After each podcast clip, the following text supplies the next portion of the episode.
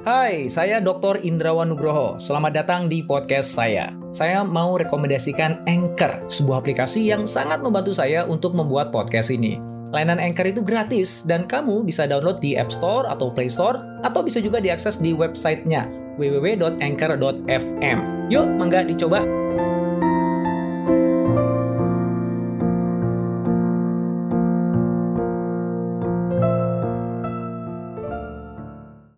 Terima kasih nih Pak Mike. Um, kami udah dikasih kesempatan untuk main ke kantor Weir Group dan bisa ngobrol-ngobrol tentang Metaverse Indonesia. Iya. Oke, Pak Mike. Kalau bicara Metaverse, dalam definisinya Michael Woody, Metaverse itu apa?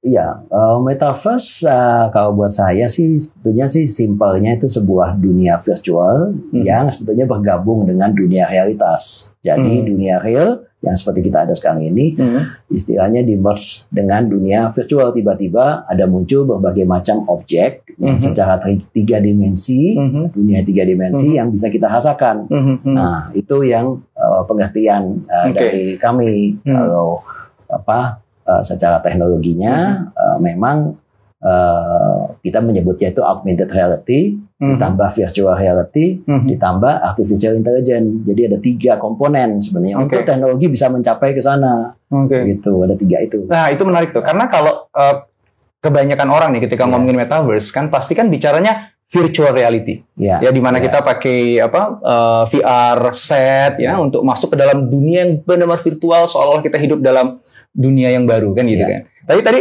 Pak Mike menyebut bukan hanya virtual reality, tapi ada augmented reality, Ya. kemudian ada artificial intelligence. betul, Yang tiga itu membentuk sebuah metaverse. betul. Nah, boleh nggak dikasih elaborasi dikit nih? Karena kalau pemahaman banyak orang kan hanya aspek VR-nya saja gitu. Betul. Kalau Betul. AR dengan Ya. AI-nya itu gimana mereka ikutan menjadi bagian dari metaverse itu? Ya. Jadi mungkin sedikit definisi aja kalau virtual reality persis seperti yang Dr. Indrawan Hmm. bilang, Hmm. kita masuk ke dunia virtual. Hmm. Jadi kita immerse biasanya Hmm. menggunakan uh, device uh, bentuknya glasses atau goggles yang kitanya keblok ya matanya ya, ya, ya. nggak bisa lihat kalau kita jalan pasti ya kesandung Ya. gitu kan karena nggak kelihatan apa-apa gitu. Ini kita masuk bisa ke mana-mana bisa pindah gitu. Atau kita pakai desktop juga Hmm. bisa. Nah, Hmm. Jadi alat apa menikmatinya itu bisa berbagai macam. Hmm. Mo- Mobile phone juga bisa. Nah kalau augmented reality itu sebetulnya konsepnya agak sedikit keterbalikan, opposite.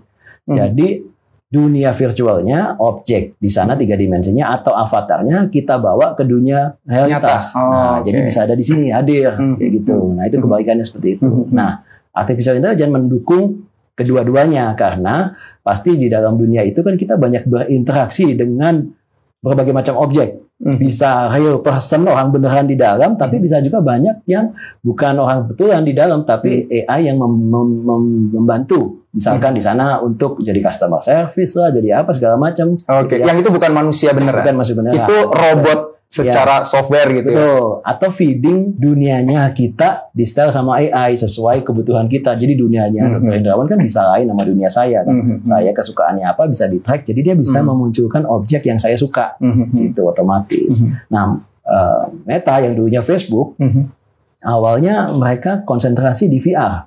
Mhm. Nah, dengan adanya Oculus. Ya. Oculus itu kan kacamata virtual reality. yang dibeli oleh Facebook ya. Betul. Nah, setelah itu ber- apa mereka transform menjadi Meta Mhm. 2021 pertengahan kemarin lebih menekankan ke augmented reality kalau diperhatikan karena kacamata yang mereka mau dari video-videonya mereka yang mereka konsepting itu kebanyakan dunia AR karena mereka kasih lihat si Mark kasih lihat kalau dia jalan di dunia reality ketemu lagi bisa main olahraga dengan Oke. orang lain di mana. Nah, Iya. kacamatanya pun transparan. Oke, Nah, kita bisa tuh- lihat dunia nyata Betul. sekitar kita. Kacamatanya transparan itu cuma ditembakkan secara Mhm. optikal sehingga kita melihat seakan-akan ada tiga dimensinya di situ. Mhm. Nah, itu itu yang Mhm. apa metaverse itu dibentuk dari dua-duanya. Microsoft juga bicara yang sama. Mhm. Dia bicara tentang kacamata dia yang eh, memang HoloLens itu kacamata Mhm. augmented reality. Tapi sekali lagi Mhm. kacamatanya ini pun akan bergabung. Kacamata AR plus VR itu akan jadi satu. Jadi satu Iya, di headset yang betul. sama. Karena kan kacamata transparan nih sebenarnya sudah dipakai Iya, sama iya. Dr. Hendrawan kan bisa di style lagi ketutup juga gitu. Dan itu Oke. sudah terjadi di HoloLens kedua pun sudah Oke. ada. Jadi uh, anyway yang uh, apa glassesnya itu akan jadi ngelebur lah jadi Wah, satu. keren, keren. Dia mau jalan kita bisa ketemu siapa aja, tapi kalau lagi stop capek ya kita pindah masuk ke Jadi VR. VR. Jadi kita bisa teletransportasi gitu ya, mau dunia dunia digital atau Iya. dunia nyata atau merge. Iya. Ya, jadi dunia eh, digital yang kita masukkan ke dalam dunia nyata. Iya, Wah, betul. keren. Nah, kan pemerintah Indonesia nih di di eh, eh, G20 ya di KTT Iya. akhir tahun ini ya, itu kan pengen memperkenalkan metaverse Indonesia. Iya. Dan saya dengar kan bahkan Presiden Jokowi langsung nih Iya. meminta kesediaan Weir Group ya, perusahaan Iya. eh, dari Pak Mike ini untuk melit tim membangun metaverse Indonesia yang prototipenya akan di launch di Di eh, G20. G20 nanti. Iya. Itu di bulan apa? Eh, Oktober. Oktober. Oktober, Wow, ya. itu kan mepet sekali. Iya. Iya. nah, metaverse Indonesia yang lagi akan dibangun itu yang seperti apa bentuknya, Pak? Oke, jadi eh, memang kita betul-betul kayak seperti Dokter Indrawan eh, utarakan, Hmm. kita lagi eh, berkolaborasi lah istilahnya, dipanggil juga sama Kominfo Hmm. untuk mendevelop Metaverse Indonesia. Hmm. Nah, Metaverse Indonesia ini kan sebenarnya kan Metaverse itu bukan dimiliki sama satu, Iya. kan banyak banyak Iya, Metaverse. Nah, eh, negara lain sudah ada beberapa yang mulai ya, Hmm. kayak eh, Seoul kan Hmm. membuat Hmm. Metaverse juga. Nah, Hmm. Metaverse Indonesia itu titik beratnya adalah memberikan manfaat eh, ke masyarakat luas. Jadi pastinya di dalam metaverse ini eh, akan ada layanan publik, gitu ya orang Mhm. bisa nanti eh, apa eh, kasih komplain misalkan untuk admin- administrasi yang terjadi atau Mhm. mendaftarkan dia punya SIM dan sebagainya. Oh ya? Iya, Oh, lebih jadi kelurahannya semuanya pindah digital. Betul. Jadi Itu- selain publik pertama pasti ada Oke. gitu. Lalu kedua buat sektor pariwisata Hmm. karena ada Hmm. apa eh, prioritas juga kan Iya. di destinasinya kita sehingga Ya, ya. masyarakat bukan hanya masyarakat Indonesia tapi mancanegara juga bisa uh, apa uh, merasakan dulu. Hmm. Belum lagi uh, ibu kota negara yang baru ya. Mhm. Jadi bagaimana orang bisa melihat istana presiden yang baru di Hmm. sana, Hmm. mungkin bisa bertemu melihat Bapak Jokowi lagi uh, apa uh, bekerja di sana, bisa Hmm. di dinikmati dulu di dunia metaverse. Hmm. Nah, metaverse ini memang di Indonesia fokusnya satu kalau memungkinkan bahkan kita lagi planning bagaimana bisa memberikan lapangan pekerjaan gitu. Jadi orang bisa bekerja secara digital nomad akhirnya kerja di dalam dunia metaverse karena kalau kita tujuan eh, dari apa eh, apa pemerintah itu adalah yaitu eh, benefitnya apa buat masyarakat Iya, betul, ya kan? betul, betul. Jadi kita tidak fokus hanya untuk eh, istilahnya perdagangan eh, produk saja Mhm. di sana walaupun pasti ada tapi Mhm. tidak hanya itu. Sedangkan Mhm. terkenal tuh Pak apa Dr. Indrawan kan ya dengan NFT yang berjualan. Nah, tapi fokusnya bukan di sana. Justru fokusnya adalah bagaimana masyarakat ini masuk ke dunia negara eh, Indonesia dan mendapatkan manfaatnya. Oh, bisa malah sekolah bisa free dari kecil sampai kuliah dengan eh, apa eh, kualitas yang bagus. Kalau bisa sekolah free dong di negara Hmm. virtual Indonesia gitu ya. Hmm. Tentu saja ya bagi orang-orang yang bisa Mengaksesnya. mengaksesnya belum semua tapi Iya, perlahan iya. disiapkan dari sekarang. Saya rasa itu langkah yang sangat bagus ya. Iya, pemerintah udah memikirkan hal ini. Artinya itu virtual reality world dong ya. Kan Iya. kalau tadi kan Pak Mike kan menyebutnya kan ada ada VR, ada AR, ada AI gitu ya. AI-nya udah mulai kebayang lah ya. Karena Iya. pasti kan tidak semua manusia beneran yang akan mengoperasikan metaverse Indonesia, Iya. tapi akan ada AI juga nanti yang akan ngebantu 24 hours di sana kan ya. Iya. Tapi kalau dari penjelasan Pak Mike tadi berarti lebih banyak aspek ke VR-nya dibandingkan AR-nya. Dua-duanya akan bisa digunakan. Jadi Hmm. nanti kita eh, apa untuk orang bisa menikmati Mhm. kalau lagi di rumah tentu saja eh, VR. Gitu Oke. ya. Tapi kita mengarahkan dengan AR tujuannya itu ya kenapa? Supaya orang tidak di rumah kan bisa Mau, mau malah berkunjung ke lokasi. berkunjung. Jadi online to offline. Hmm. Jadi konsep on, AR augmented reality itu sebenarnya online to offline. Hmm. Orang tetap jalan, Hmm. orang tetap datang ke Borobudur atau ke Labuan Oke, Bajo. oke. Jadi setelah mengumpulkan poin di sini, ke sana menggunakan mobilenya. Kalau belum kacamata ya, kalau kacamata udah ada ya lebih keren nantinya pastinya. Tapi kalau menggunakan mobilnya, dia bisa mendapatkan bonus-bonus lagi. Dia ada history, ada journey-nya. Jadi di lokasi pun kalau dia pergi, dia akan mendapatkan benefit lebih. Ya, seperti itu. Jadi konsepnya seperti itu. Jadi tidak Oke. hanya di rumah terus kan. Orang manusia gimana gimana pun karena COVID ya banyak di rumah. Hmm, hmm, Tapi hmm, hmm, hmm. Ya tidak bisa lepas Hmm. hubungan satu sama lain. Oke. Kegunaannya AR augmented reality itu itu. Ya, Oke. tetap kita bisa eh, ke restoran, kita ke mall, kita jalan Mhm. ke mana, ke Mhm. tempat destinasinya. Mhm. Jadi itu akan terhubung semua. Oke. Artinya memang dua itu yang dimainkan ya. Betul. Uh, virtual reality-nya ada. Ya. Jadi kalau saya mau pergi ke Danau Toba misalnya gitu Ya. dan saya belum punya kapabilitas atau kemampuan Ya. atau kesempatan untuk berangkat secara fisik, ya saya pakai VR-nya aja. Betul. Untuk bisa dapetin sensasi Ya. dari Danau Toba, walaupun saya dari rumah saya sendiri. Hmm. Tapi ketika saya punya kesempatan untuk main ke sana, saya pun juga bisa menggunakan metaverse-nya Indonesia, tapi mode yang dipakai augmented reality, Yes, bukan virtual reality, di mana dengan entah itu eh, tadi ya gadget handphone atau kacamata nanti saya bisa dapat uh, penjelasan yang lebih lengkap mungkin ya terkait Iya, dengan Danau Tobanya, historinya, Iya. bahkan ada lokasi-lokasi yang menarik gitu ya. Iya. Kalau saya dengar tadi bahkan ada sistem poin bisa dikumpulkan. Betul. Itu berarti ada gamification di dalamnya Iya, ya. betul. Jadi di VR-nya kalau uh, uh, user main, Dr. Indrawan misalkan bermain dulu, bahkan bisa mendapat betul-betul voucher untuk menginap penginapannya di Yang sana. bisa dipakai di Iya. Danau Tobanya sendiri. betul. Oke. Karena- Iya, jadi tujuannya gitu. Kita selalu harus ada online to offline-nya, Iya, nggak iya, bisa iya, iya. dilepas tuh. Ya, karena uangnya kan ada di situ ya. Maksudnya Iya, devisa iya. itu kan yang dikhawatirkan malah justru turis asing nggak usah ke Indonesia, dia Iya. cuma pakai VR doang merasakan. Betul. Justru sebenarnya VR itu untuk mancing ya. Iya, mancing betul. supaya yang penting orang kenal dulu deh. Iya. Suka dulu, jatuh cinta dulu, penasaran, datang beneran. Iya. Apalagi di iming-iming ada poin-poin tadi dapat voucher dengan Iya. VR-nya ya. Iya. Dia kan pengen cash in voucher-nya dong gitu. Betul. ya. Kalau kita memang dari apa belief adanya apa human ya, interaction itu penting ya. Jadi kayaknya Hmm. nggak bisa main terlepas begitu saja ya. Makanya eh, kita beliefnya juga di sana. Iya. Orang ketemu sama orang nggak bisa dihidup full 100% di dunia virtual itu kecuali ya betul-betul mungkin orangnya spesial ya. Tapi Iya, iya. majority yang iya. kalau kita diciptakan kan untuk, untuk bertemu saya sama. Dr. Indrawan, kalau kita juga bisa zoom harusnya kan tapi atau yang lain tapi udah pasti itu. Nah, augmented reality itu teknologi untuk ke sana. Iya, nah, itu iya. kita believe percaya banget Iya, dengan iya. teknologi ini. Oke. Nah, ini masih ngomongin tentang tentang wisata ya, tourism ya. Karena em, tadi salah satu aspek dari Metaverse Indonesia adalah memperkenalkan turismenya Indonesia ke eh, baik domestik eh, turis ataupun yang international turis ya. Em, Indonesia itu kan luas banget ya, gitu. Dan kalau kita bicara objek wisata di Indonesia itu kan banyak banget juga. Nah, ini startnya mau dari mana? Nah, kalau kami karena uh, backgroundnya saya bisa jawab sebatas kami. Kalau kami kan karena memang di teknologi Hmm. uh, developer. Nah, uh, kalau dengan Metaverse Indonesia tentu saja kita ikut arahan dari uh, Pemerintah. pemerintah, Hmm. ya, yang mana dulu kebetulan kemarin memang uh, pastinya ada ibu kota negara Hmm. gitu ya, terus ada lima apa destinasi yang diprioritaskan, Oke, kira-kira oke. seperti itu. Tapi kami ikut saja sih. Itu sih, ya. Dan itu ibu eh, IKN ibu, ibu kota negara itu dengan lima destinasi itu di bulan Oktober nanti sudah ada versi Metaverse. Uh, versi awalnya versi Oke. awalnya Oke. tapi lebih banyak di yang yang uh, di destinasi itu uh, untuk yang prototipe ini belum itu yang Mhm. nextnya Oke. jadi uh, ada beberapa kota yang dipilih tapi juga itu sebagian areanya jadi sudah di, Mhm. dipilih secara strategik juga Oke, Ya. oke. Ya. Artinya di Oktober nanti sebenarnya masyarakat sudah bisa nyobain prototipenya dong? Iya. Bisa ya? Iya. Oke, udah nggak sabar.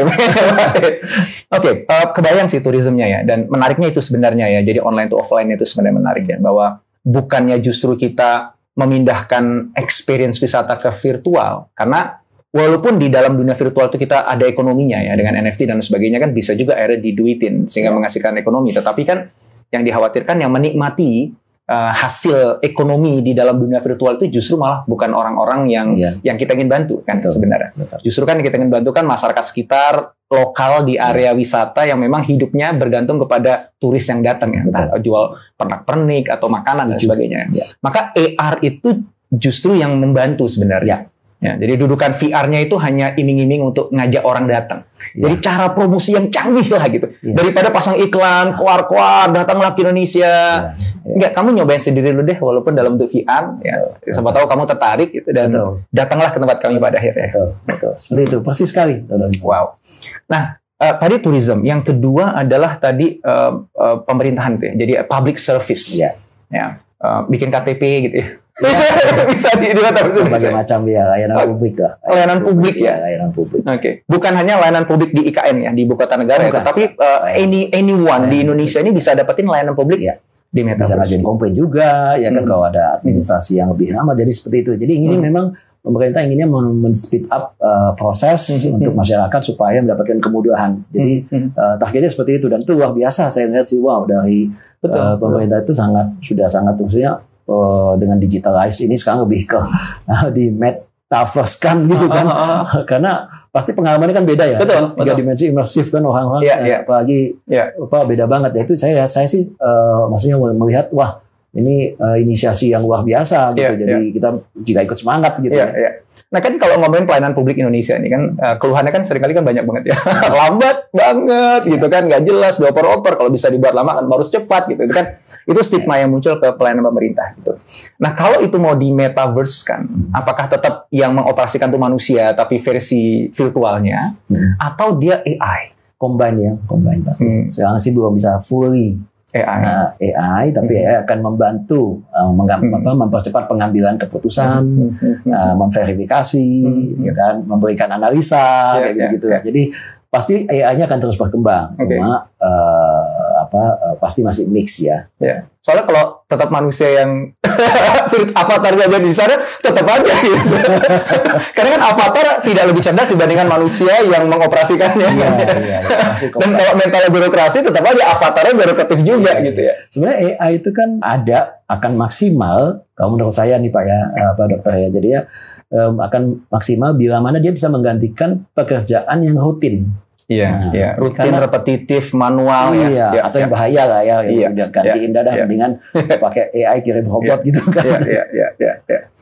Wow. Oke, so in the future masa depan nanti akan fully AI. Eh, tergantung di beberapa sektor ya pastinya Oke. di beberapa kerjaan tertentu. Saya sih nggak melihatnya tidak di eh, apa bagian yang membutuhkan kreativitas atau oke. adanya empati ya. Iya. Jadi ini ada kaitannya sebenarnya dengan yang Pak Jokowi eh, mencanangkan bahwa eselon 3 dan 4 itu nanti akan digantikan dengan robot ya. Jadi kayak bagian dari skenario besar itu kayaknya gitu kan.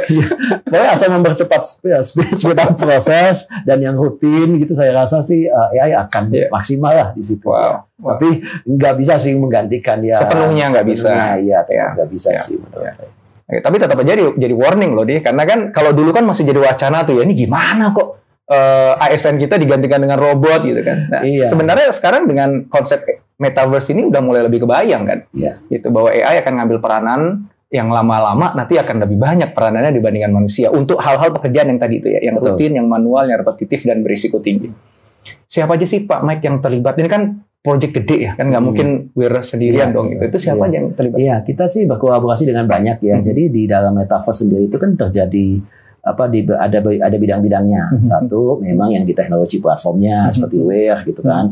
Tapi juga ada yang bermain di infrastruktur Hmm. ya, telco company kayak Telkom dan sebagainya pasti terlibat juga. Hmm. Ada juga yang di hardware gitu Iya. ya. Hardware ini luas banget kalau hardware Iya, kan iya. dari desktop yang sudah ada, mobile yang sudah ada, tapi juga mulai masuk dicanangkan masuk ke kacamatanya kan. Kacamata Oke. ini yang pasti eh, pemain-pemainnya ya perusahaan-perusahaan yang mendevelop Mhm. eh, hardware, Eh, Mhm. contohnya kan si apa Microsoft, Microsoft, ya. pastinya kan Meta, Mhm. tapi perusahaan China juga sudah mulai banyak nih Mhm. masuk si Huawei, eh, Mhm. Xiaomi, Oppo prototipenya Mhm. kacamata augmented reality sudah keluar Mhm. gitu. Dengar-dengar rumor Apple juga dirumorkan Iya, mau iya, keluar dan sebagainya. Epson Jepang juga sudah Iya. ada dan dan ini eh, pemain di sini juga sudah sudah siap nih rata-rata nih kan Yang Oke. Indonesia saya belum tahu yang dari Iya. Indonesianya ya Iya. kalau dari luar pasti nggak bisa lah main ke sana ini Iya, juga iya. eh, beda Karena kelas. permainannya lain lah Iya. gitu. Lalu ada juga yang eh, di grup yang di konten. Nah, Oke. di konten Oke. ini eh, banyak tergantung sektornya kan Betul. mau sektor apa sektor tourism jadi Mhm. yang terkait dengan tourism sektor ada hotel nanti Mhm. ada event Mhm. ini pemainnya sih Oke. banyak sekali Jadi Termasuk- buka banyak lapangan pekerjaan ya. Iya termasuk juga mungkin seperti konten maker seperti Dr. Indrawan kan nanti ada Dr. Indrawan di sana versi Oh, siap. avatarnya kan Kita buat channel ngobrol-ngobrol di Metaverse ya.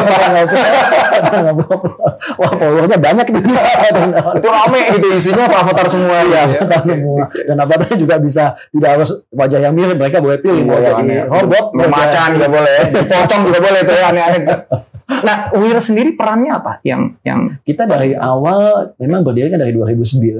Hmm. Jadi kita tanpa kita tahu apa istilahnya bahwa trennya itu akan menjadi metaverse, kita memang di augmented reality Hmm. dari 2009 dan Hmm. memang kita mendevelop platform modul Hmm. eh, istilahnya untuk apa enabler Mhm. eh, dunianya. Mhm. Jadi biasanya memang kita mengerjakan banyak sekali metaverse metaverse dari untuk perusahaan juga. Hmm. Untuk banyak yang minta ke kami dibuatkan Mhm. karena eh, sistemnya kan kami sudah ada. Mhm. Kira-kira seperti itu. Berarti Wir membuat apa? Softwarenya, infrastruktur Ya, dari software. awal memang kita developnya software sih. Oke. sudah dari sudah 12 tahun kan Oke. jadi banyak yang kita bisa leverage lah Iya, daripada iya. kan nggak perlu dari membangun baru gitu kan Iya, dari iya, awal itu karena keuntungan kita mungkin karena itu ya karena Iya, iya. sempat duluan aja sih itu Iya, aja sih iya. mungkin.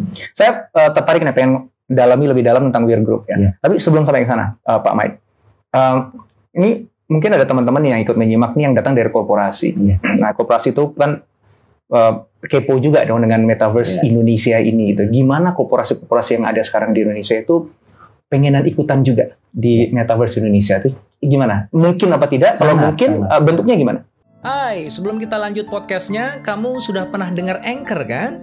Anchor adalah all-in-one podcast editing platform yang saya gunakan untuk rekaman, edit suara, tambah lagu, dan semua hal dalam pembuatan podcast yang sedang kamu dengerin ini. Anchor bisa membantu kamu bikin podcast kamu sendiri loh. Caranya gampang, tinggal download dari App Store atau Play Store, atau bisa juga diakses di www.anchor.fm. Download Anchor sekarang ya. Eh, jadi eh, kebetulan memang sekarang lagi banyak yang lagi eh, bicarain ini dan Hmm. memang lagi tanya gitu ya Hmm. soal ini ke ke kami juga gitu ya. Eh, jadi eh, istilahnya bisa gitu ya karena eh, metaverse kan kembali sebenarnya bisa semua orang juga bisa buat kan Hmm. di mana aja. Tapi antara metaverse satu dengan metaverse yang ini apakah bisa di-link kan sekarang sistemnya? Nah, itu sangat memungkinkan. Jadi Oke. tergantung dari memang platform yang dibuat. Jadi kalau kebetulan yang bicara sama kami ya kita buatkan metaverse mereka yang pasti bisa masuk ke dalam Link ke metaverse Iya Indonesia. betul. Jadi Hmm. sistemnya pasti lebih kita bikin istilahnya gampangnya kompatibel lah gitu kan. Hmm. Bisa anda bisa plug and play lah. gitu. Hmm. Kira-kira seperti itu. Oh, eh, jadi mereka buat metaverse sendiri ya, bukannya buat um, apa ya sebutannya dunianya on top of Bed- platform eh, metaverse be- Indonesia. Beda-beda. Jadi ada yang buat, Buat dua-duanya, rata-rata dua-duanya atau ada yang hanya ikut di kami. di metaverse Ya, Indonesia. ada di jadi, metaverse ya, Indonesia. jadi ya udah kan udah ada lahannya dibuat Betul. ya, tinggal bangun aja di atas itu itu boleh gitu bisa ya. Bisa, bisa Oke. sangat bisa. Justru lebih banyak sebenarnya ya memang yang akhirnya yang eh, jumlahnya lebih banyak yang Hmm. kalau ini memang yang khusus biasanya kan memang Hmm. mereka mungkin sudah punya apa ya eh, user base ya mungkin Mhm. mereka bisa bikin tapi kalau yang belum baru mau mulai ya ngapain kan sebenarnya buat mereka eh, apa mulai dari awal Hmm. untuk mendapatkan user base-nya belum ada ya banyak kan ikut campur langsung di sini Hmm. di metaverse yang ada. Nah ini kan eh, teman-teman itu kan semuanya kalau ngomongin metaverse itu kan eh, kebayangnya kan dibuat di atas platform blockchain, makanya nanti ada crypto main di sana, NFT juga rame di sana gitu. Nah apakah metaverse Indonesia juga menggunakan pendekatan yang sama? Iya, kurang lebih sama ya, Hmm. kurang lebih sama. Artinya kalau sekarang nih lagi semua orang teriak-teriak NFT dan kripto tuh bakalan lebih liar lagi tuh ya tahun depan. Iya tapi iya betul juga ya NFT itu salah satu kan Iya, salah satu nanti istilahnya produk lah yang Iya. bisa digunakan gitu salah Iya. satu supporting sistem yang ada di dalam tapi Iya. tidak eh, di dalam metaverse ini tidak selalu um, Iya, betul, NFT betul, iya. gitu ya ya, dan ya teknologinya kan dibutuhkan ya untuk Iya. memastikan bahwa bisa ada ekonomi di dalam Iya. metaverse kita gitu ya. makanya kita di di bawah dimonitor juga sama kominfo segala macam Hmm. untuk memastikan ini karena banyak kan yang teman-teman sudah kena apa kena fraud kena scam gitu Iya, kan di betul, NFT betul. kemarin aja Iya. ada yang kemarin ketemu sama dua orang anak muda juga bilangnya Pak Michael ini kenapa begini kok saya kok bisa kena begini saya bilang, aduh Iya, iya, kayak iya, gitu udah iya, mulai itu harus hati-hati sih Nah, metaverse Indonesia ini yang punya siapa? Pemerintah Indonesia kah? Atau gabungan ini dari gabungan kelompok? dah gabungan dah gabungan dari Gabungan dari siapa aja? dari government pasti Mhm. gitu kan ya dari swastanya juga ada makanya kalau di pemerintahan eh, sempat disebutkan juga kan di kolaborasi antara pemerintah dan swasta lah Nah, dari tadi ini kita nyebut Weir Group gitu. Weir Group gitu. Nah, itu uh, tolong ceritain dong Weir Group itu um, apa ya supaya nih teman-teman semua yang nyimak dari tadi itu Iya. dapat konteksnya nih kok bisa ya Weir Group itu dapat amanah yang begitu besar oleh pemerintah Indonesia untuk memimpin project buat metaverse Indonesia ini kan. Iya. Boleh ceritain sedikit tentang Weir Group? Oke, eh, jadi We Are Group sendiri itu perusahaan memang fokus di teknologi augmented reality itu dari 2009. Hmm. Jadi sudah 12 tahun nih, Wow. perjalanan udah lama sekali. Wow, iya. Bisa dibilang mungkin yang pertama bahkan di eh, Asia Tenggara. Asia Asia Tenggara. Tenggara belum ada waktu itu. Hmm, hmm, Jadi eh, di, di jejak digital kita aja 2009 Hmm. sudah ada project-project yang Hmm. kami rilis, Hmm. mana memang belum banyak perusahaan yang percaya terhadap teknologi tersebut. Dulu Hmm. kami juga sudah sebenarnya bicara yang ya sama dari dulu bahasanya bahwa dunia digital akan merge atau gabung dengan dunia Virtual. virtual kita bilang Eh, realitas dunia sama digital dengan dunia realita. Ya. gabung dari dulu message-nya satu karena artinya augmented reality kan begitu apa Hmm. realitas yang- yang, ditambahkan Iya, gitu iya, di augment di Iya, augment gitu iya. Dia bilang pasti begitu gitu Iya. pemikiran dari teman-teman para founders waktu itu kan eh, mungkin karena terlalu banyak nonton film kan science fiction sepengennya gitu ya? iya Hobinya nonton science fiction dulu ya? Iya dulu kan nonton kan pertama sebenarnya bukan filmnya juga nggak terlalu science fiction mungkin dari Jurassic Park pertama kali Iya. karena ada 3D grafik yang Iya, bagus Iya, iya. di situ orang bisa lihat dinosaur tapi kan di Mhm. film kan Mhm, mhm. kita kan semua berkarya bagaimana kalau dalam kehidupan sebenarnya kita bisa lihat benaran tuh kita apa eh, binatang-binatang seperti ini atau objek yang di depan mata kan ngayalnya begitu iya, kan iya. kok bisa muncul gitu kan padahal ya itu film di, di, diedit ditempel lah dan sebagainya tapi dia seperti itu nah where nah lalu eh, memilih augmented reality kita tidak melakukan tidak memilih VR waktu itu karena Oke. VR buat waktu kami lihat VR itu sudah apa istilahnya ya 2009 itu udah lebih matang malah kalau menurut kami karena Hmm. VR itu udah ada udah lama Hmm. gitu kan Hmm. sudah udah udah established duluan Hmm. dan ya mungkin pencapaian ke sananya nggak terlalu nggak perlu kurang juga nggak terlalu challenging lah gitu. Udah ada lah di Asia Tenggara juga sudah ada waktu itu. Indonesia aja yang nggak ketinggalan memang waktu itu. Tapi Hmm. jadi kenapa kita pilih jalur AR kedua pilihan salah satu memang alasannya supaya kita mau duluan pioneer. Hmm. kedua yaitu kita lebih believe bahwa manusia itu kan tidak bisa eh, agak susah ya. Mungkin nggak semua sebagian mayoritas pasti mau berhubungan satu dengan yang lain. Iya, jadi iya. nggak bisa tuh masuk dalam dunia virtual menerus. secara sepenuhnya ya gitu. sepenuhnya bukan saya bilang nggak banyak yang ini anak-anak muda sekarang main game Hmm. juga bisa berjam-jam Mhm. tidak keluar tapi dengan adanya AR menurut saya lebih Iya, humanize ya iya, lebih iya. humanize ya kalau kita bisa bawa gamenya keluar ya mending jadi anaknya bisa ikut keluar kan mau Iya, mau kan. Seperti Pokemon Go dulu tuh ya. iya betul Itu gara-gara game Pokemon Go anak-anak kita akhirnya keluar dari rumah lari-lari gitu. Jarang-jarang ada game yang membuat mereka mau exercise fisik ya. Iya betul. Coba bayangkan kalau main gamenya misalkan saya nggak tahu itu apa Hmm. yang eh, apa tiga dimensi tapi ya sekali-sekali keluar dong gitu pakai kacamata Hmm. AR. Tapi Hmm. masih main kan mendingan masih Iya, bisa iya, keluar ketemu orang Iya, tuanya iya, mungkin iya, gitu iya, ya. iya. Oke, diajak jalan-jalan juga masih mau. Oh saya bisa nih sambil jalan atau mungkin toko virtualnya mengikutin dia. Jadi, Nah, ya, kayak begitu. Oke, Jadi, oke. Itu yang kita inginkan dari awal 2009 itu seperti itu sih. Eh, Wir itu kan di, di berapa kota di dunia eh, cabangnya? Em, yang pasti bukan di Jakarta aja kan? kita sih mungkin lebih bilangnya lebih representatif lah. Di- di- perwakilan di mana? aja Di gitu mana? perwakilan karena ada yang mewakilkan kita di sana. Mhm. Kita ada di uh, Singapura, ada di Mhm. Spain, Mhm. di Malta, ya Mhm. terus uh, di US ya juga ada. Gitu. Nah, oh, saya dengar tuh Weir Group tuh sudah sering ikut eh, event atau pameran di berbagai eh, event mancanegara gitu. Ya, dan pernah dengar cerita menarik juga dari Pak Mike gitu ya bahwa orang-orang tuh nggak percaya kalau Weir Group itu perusahaan di Indonesia. Boleh cerita nggak? Iya, iya, iya, itu sering banget saya ngalamin misalkan ada satu project ya bukan di event kadang project gitu ya di brand besar dari luar Hmm, kita hmm. dipanggil Hmm. uh, ketemu di di di luar itu saya So- sorry, sebelum saya kliennya siapa aja yang yang kita kenal mungkin Uh, Weir Group? Disney dari Wow, ya, Disney.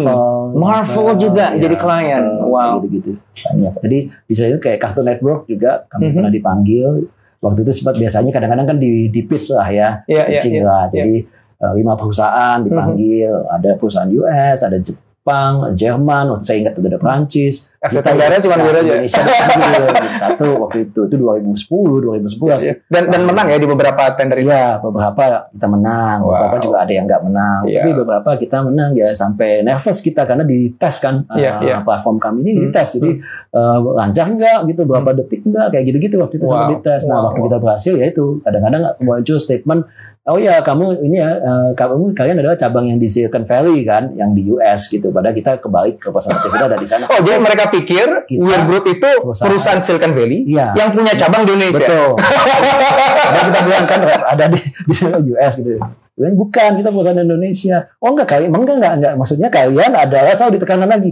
Kalian adalah perusahaan cabang kan. Ini cabang dari perusahaan begitu. Jadi ya kadang-kadang aduh kenapa begitu gitu kan bukan gitu. Intinya dia nggak percaya Iya. kalau ada perusahaan sekeren ini yang itu aslinya Indonesia gitu. ini nggak mungkin, ini pasti Silicon Valley. Gitu. Indonesia kan cuma cabang doang ya. Ya itu beberapa kali ngalamin seperti itu itu. sakit hati ya. Kalau saya dengerin aja sakit hati. ya itu tapi ya apa ya jadi jadi ini sih semangat juga Ah, sih. iya iya iya. Jadi juga. jadi kayak kita tantang dong Iya, gitu untuk membuktikan dan termasuk jadi pride ya bahwa Betul. kita disamakan loh Iya. sama perusahaan Silicon bahkan kita dianggap perusahaan Silicon Valley. Berarti Iya. kelasnya udah kelasnya Silicon Valley dong. Ya, itu anak-anak di tim memang saya lihat sih anak-anak Indonesia itu kreatif ya. Jadi Iya. memang pasti kan di setiap negara saya ngeliat culture ada kelebihan ada kekurangan. Ya kita juga kami mengetahui kita pasti ada limitasinya juga. Tapi kan kita juga punya kelebihan sebagai orang Indonesia kan? Jadi ya selalu itu aja tinggal Ya, ya. harus kolaborasi juga. Saya bukan bilang harus kolaborasi juga karena mereka tuh ada tiap negara pasti ada jagonya. Jadi kita Iya, harus melihat itu ya udah sama-sama bisa di mana. Tapi Indonesianya jangan sampai nggak nggak nggak bisa menang juga dalam hal tertentu Nah, saya sih pasti nggak bilang semua kita mesti ini Iya, ya, nggak, pasti Eh, tentu saja, Iya. tentu saja. tapi seru sih seru sih Nah, dengan dengan 12 tahun Wir sudah berdiri dan sekarang dapat amanah besar oleh pemerintah Indonesia bangun Metaverse Indonesia. Apa visi besar dari Wir Group ke depan? Kalau kita bicara 10 20 tahun ke depan. Ya, kita sih eh, ingin sebetulnya eh, panutan kita kan ada tentu saja ada perusahaan yang besar juga di luar dan kita itu ingin menjadi seperti perusahaan eh, giant tech company yang Hmm. dari Indonesia sebetulnya pengennya Hmm. bisa masuklah ke dalam jajaran apa perusahaan-perusahaan besar ini dari Hmm. dulu eh, punya impian ke sana gitu ya Oke. eh, teman-teman di sini Hmm. eh, walaupun semangat ada ya tapi kita sambil melihat realita yang ada Mhm. Uh, kadang-kadang juga cukup surprise juga apa yang kita sebetulnya juga dibilang pertumbuhannya itu cukup apa ya cukup uh, organik kalau dibilang Mhm, malah uh, dari Wir sendiri gitu ya. Jadi kita bukan perusahaan yang langsung lompat-lompat tempat tinggi juga enggak karena uh, lebih lebih apa ya bootstrap ya bisa dibilang Bootstrap, ya. Jadi bootstrap dari awal. Jadi uh, itu yang kita pertahankan. Konsistensi itu menjadi kata kunci buat kita gitu ya. Tapi dengan punya impian yang besar cuma ya ada beberapa hal yang kita harus jaga fundamentalnya. Hmm. Nah, kami memilih jalur yang masuk memang ke fundamental dari awal. Mhm. Dari awal Jadi bukan ngejar semata-mata growth yang Enggak, eksponensial aja. enggak, enggak. Kita enggak ada hitungan ke sana. A- Apa alasannya?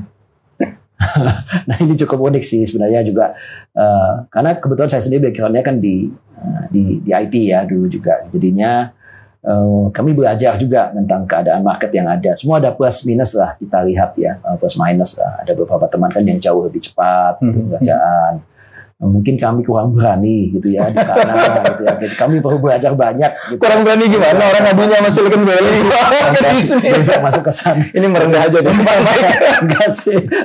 Mungkin Pak Indrawan juga justru bisa menjadi bisa memberikan advice kepada kami tapi kira-kira seperti itu. Jadi Hmm, kita mau lebih lebih prudent aja lah, lebih Hmm. menjaga Hmm, hmm. karena eh, kita tuh punya keinginan kalau boleh, kalau bisa dan di eh, ridhoi gitu ya. Sampai yang di atas ya pengen jadi legacy buat di Indonesia. Wow, paling nggak wow, itu? amin. mungkin tidak sebesar yang akhirnya tercapai yang kita apa inginkan, Bayangkan, tapi eh, at least eh, inginnya perusahaan ini bisa eh, long term ya. Long term Iya, belajar dengan apa inilah perusahaan-perusahaan Indonesia yang sudah long term juga kan Iya, banyak iya, tuh iya, yang, iya. yang ini saya kita lebih ingin mengikut jalur ke sana Mhm. long term memberikan legacy yang baik Mhm. walaupun mungkin foundersnya sudah pada tidak ada itu dari dulu dari Mhm. awal kita sudah bilang karena ini harus dikelola secara profesional dengan Iya, iya, anak-anak iya. Indonesia yang profesional Iya. bukan kita kita aja enggak ini kan Iya. mau terus gitu Iya, kita iya, pengen iya. ngikutin jejak bajak perusahaan Indonesia kan yang berhasil udah bagus-bagus Iya, kan iya. yang udah puluhan tahun ini Iya. nah itu yang menjadi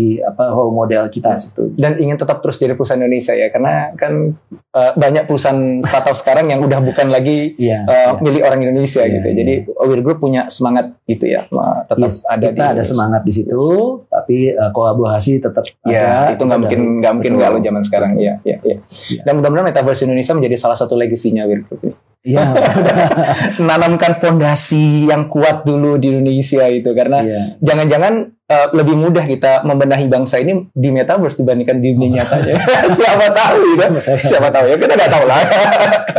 Terakhir eh, Pak Mike, ngomongin Metaverse nih. Kalau kita ngebayangin katakanlah 10, 20 tahun ke depan, mana Metaverse Indonesia yang sedang kita omongin ini benar-benar udah jadi kenyataan dan semua imajinasi indah kita tentang Metaverse Indonesia itu beneran udah ada. Seorang Michael Budi akan memanfaatkan Metaverse Indonesia itu dengan cara yang seperti apa? Ini ini personal question ya, Pak. Iya. Eh, konteksnya nggak harus tentang pekerjaan, bisa juga tentang kehidupan pribadi gitu. Kita penasaran aja bagi seorang salah satu founding fathers-nya Metaverse Indonesia nantinya.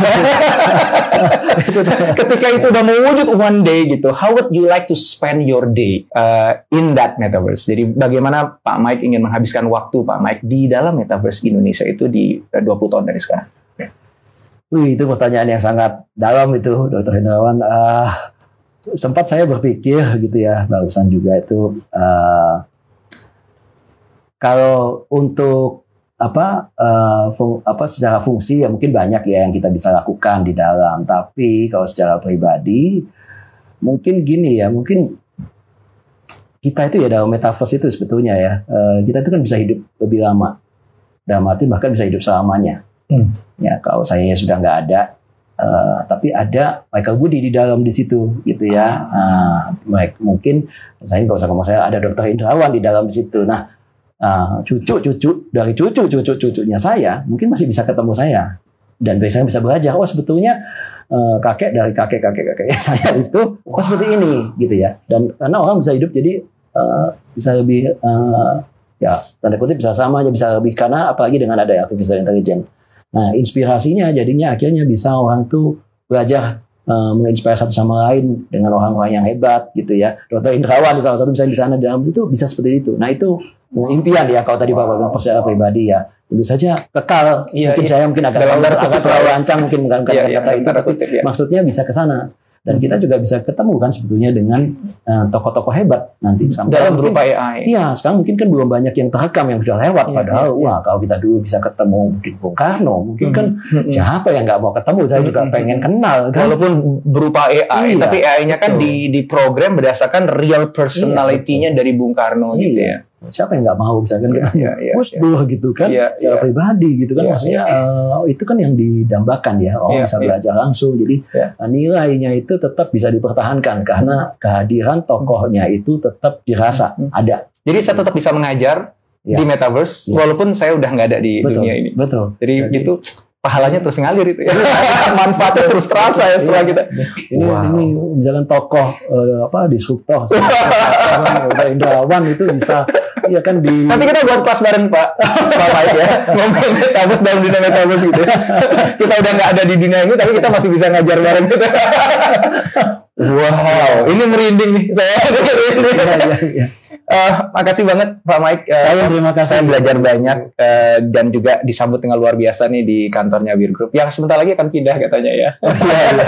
di kantor yang lebih besar lagi karena memang memang impian yang besar memang harus disupport oleh tim infrastruktur yang besar juga. Yang pasti yang saya udah tahu yang besar adalah semangatnya, semangat juangnya, semangat untuk berkaryanya itu itu saya salut. So, makasih sekali lagi. Saya terima kasih. Sampai ketemu lagi, Pak. Iya. Terima kasih. Mudah-mudahan video ini manfaat untuk kamu. Jangan lupa like dan subscribe ya.